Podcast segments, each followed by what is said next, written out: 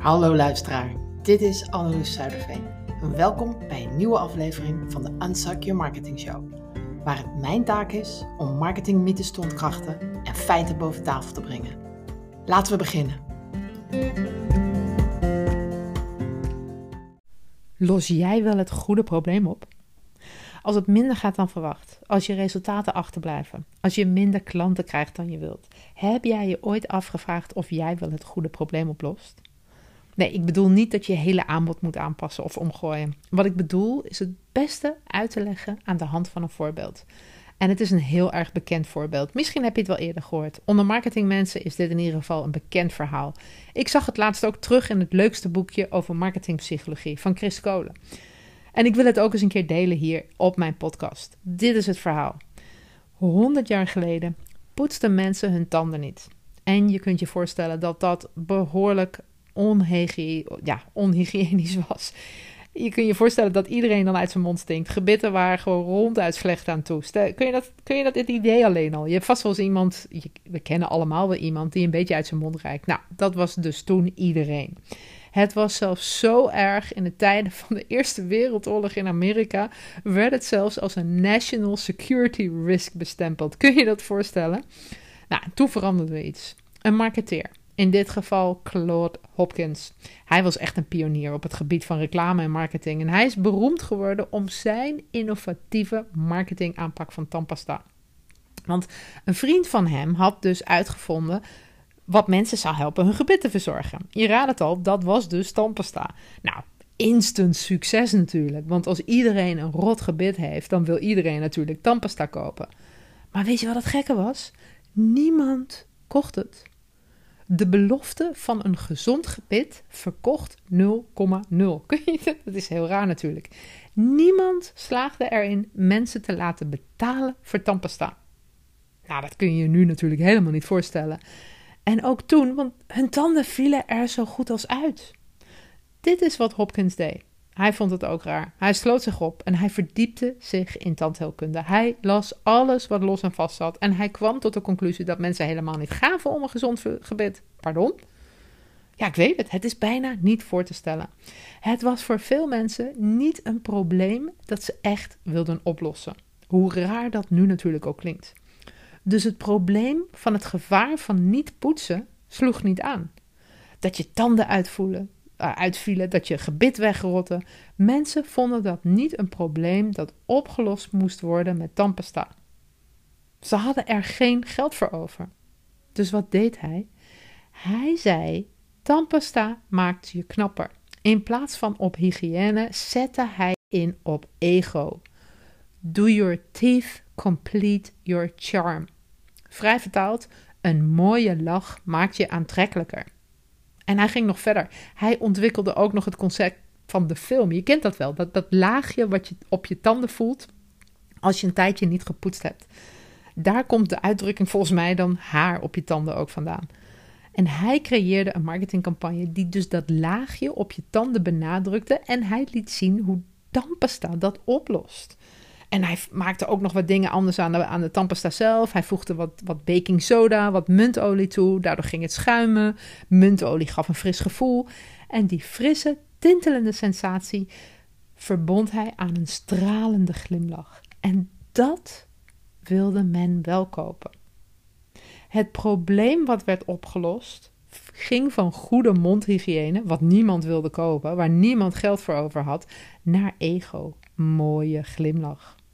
En met hele kleine aanpassingen in het aanbod zelf. Dat is toch geniaal?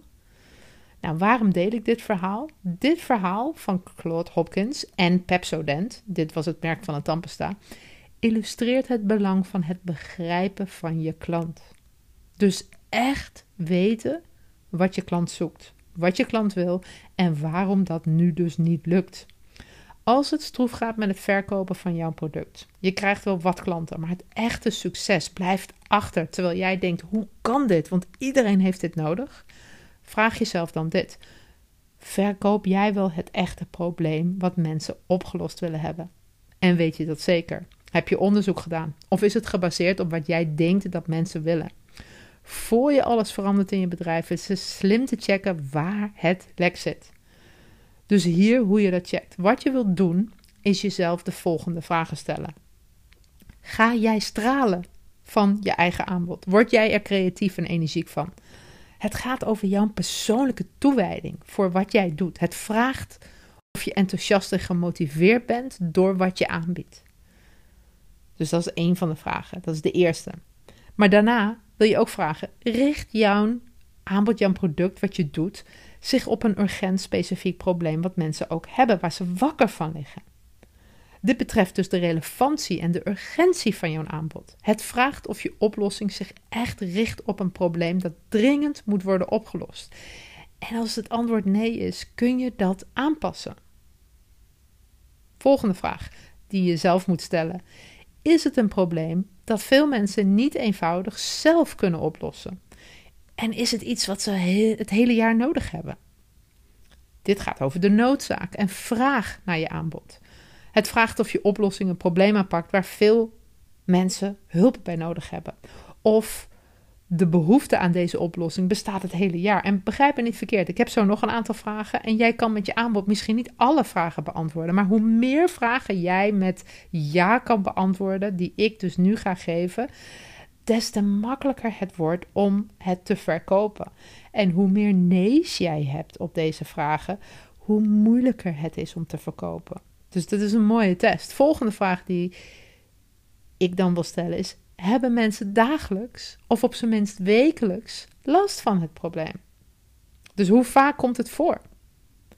Los je het gelijk op en hebben ze het vaker? Komt het terug of is het eenmalig? Dat geeft ook aan hoe succesvol je kunt worden. Volgende vraag: bespaart het mensen tijd? Of krijgen mensen meer tijd? Dat gaat over de efficiëntie van je aanbod. En tijd is een levensbehoefte. Het is een basisbehoefte van mensen. En als het mensen helpt tijd te besparen, dan wordt het aantrekkelijk. Helpt het mensen met geld besparen? Of gaan ze juist meer verdienen? Dit vraagt gelijk direct of je product financiële voordelen biedt. Ken je minstens 10 mensen die wanhopig snakken naar wat jij doet als ze wisten dat het bestond? Hiermee check je de potentiële vraag van jouw aanbod.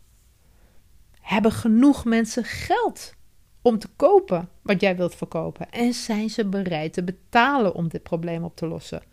Dit checkt de haalbaarheid van je prijsstelling en of jouw doelgroep bereid is te betalen voor je aanbod. En kun je overtuigende, aansprekende resultaten beloven? Kun je dat, durf je dat echt te zeggen? ook belangrijk, want dit gaat over de effectiviteit van je aanbod en of je de resultaten die je belooft kunt waarmaken. Durf je dat ook? Kun je een onmiddellijke belofte aan je aanbod koppelen?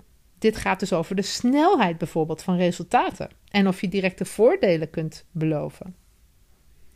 Biedt je aanbod een exclusief of mooi geheim, misschien wel, voordeel waar anderen geen weet van hebben? Of wat jou echt uniek maakt? Dit heeft dan weer betrekking op de unieke verkooppropositie van je aanbod. En zo kun je doorgaan met allemaal vragen stellen die checken hoe, ehm, hoe nodig of hoe hoog het verlangen is die mensen kunnen hebben voor je aanbod. Um, en zo, kun je, zo zijn er nog een aantal vragen. Ik heb hier een, een document voor top of flop aanbod. En als je die wil hebben, dan kun je via vraag.anneloes nl hem aanvragen. Stuur ons een berichtje. Leg wel even uit dat dit gaat over de top- of flop-test. En dan heb je al die vragen gewoon in je inbox en kun jij je aanbod checken. Elk van deze vragen is eigenlijk bedoeld om je te helpen de waarde, de relevantie en het potentiële succes van je aanbod te beoordelen vanuit verschillende invalshoeken. En ze helpen je bij bepalen of wat jij doet ook echt een probleem aanpakt wat mensen hebben en willen veranderen. dit was het weer voor deze week. Ik hoop dat ik je weer heb mogen inspireren. Tot de volgende keer.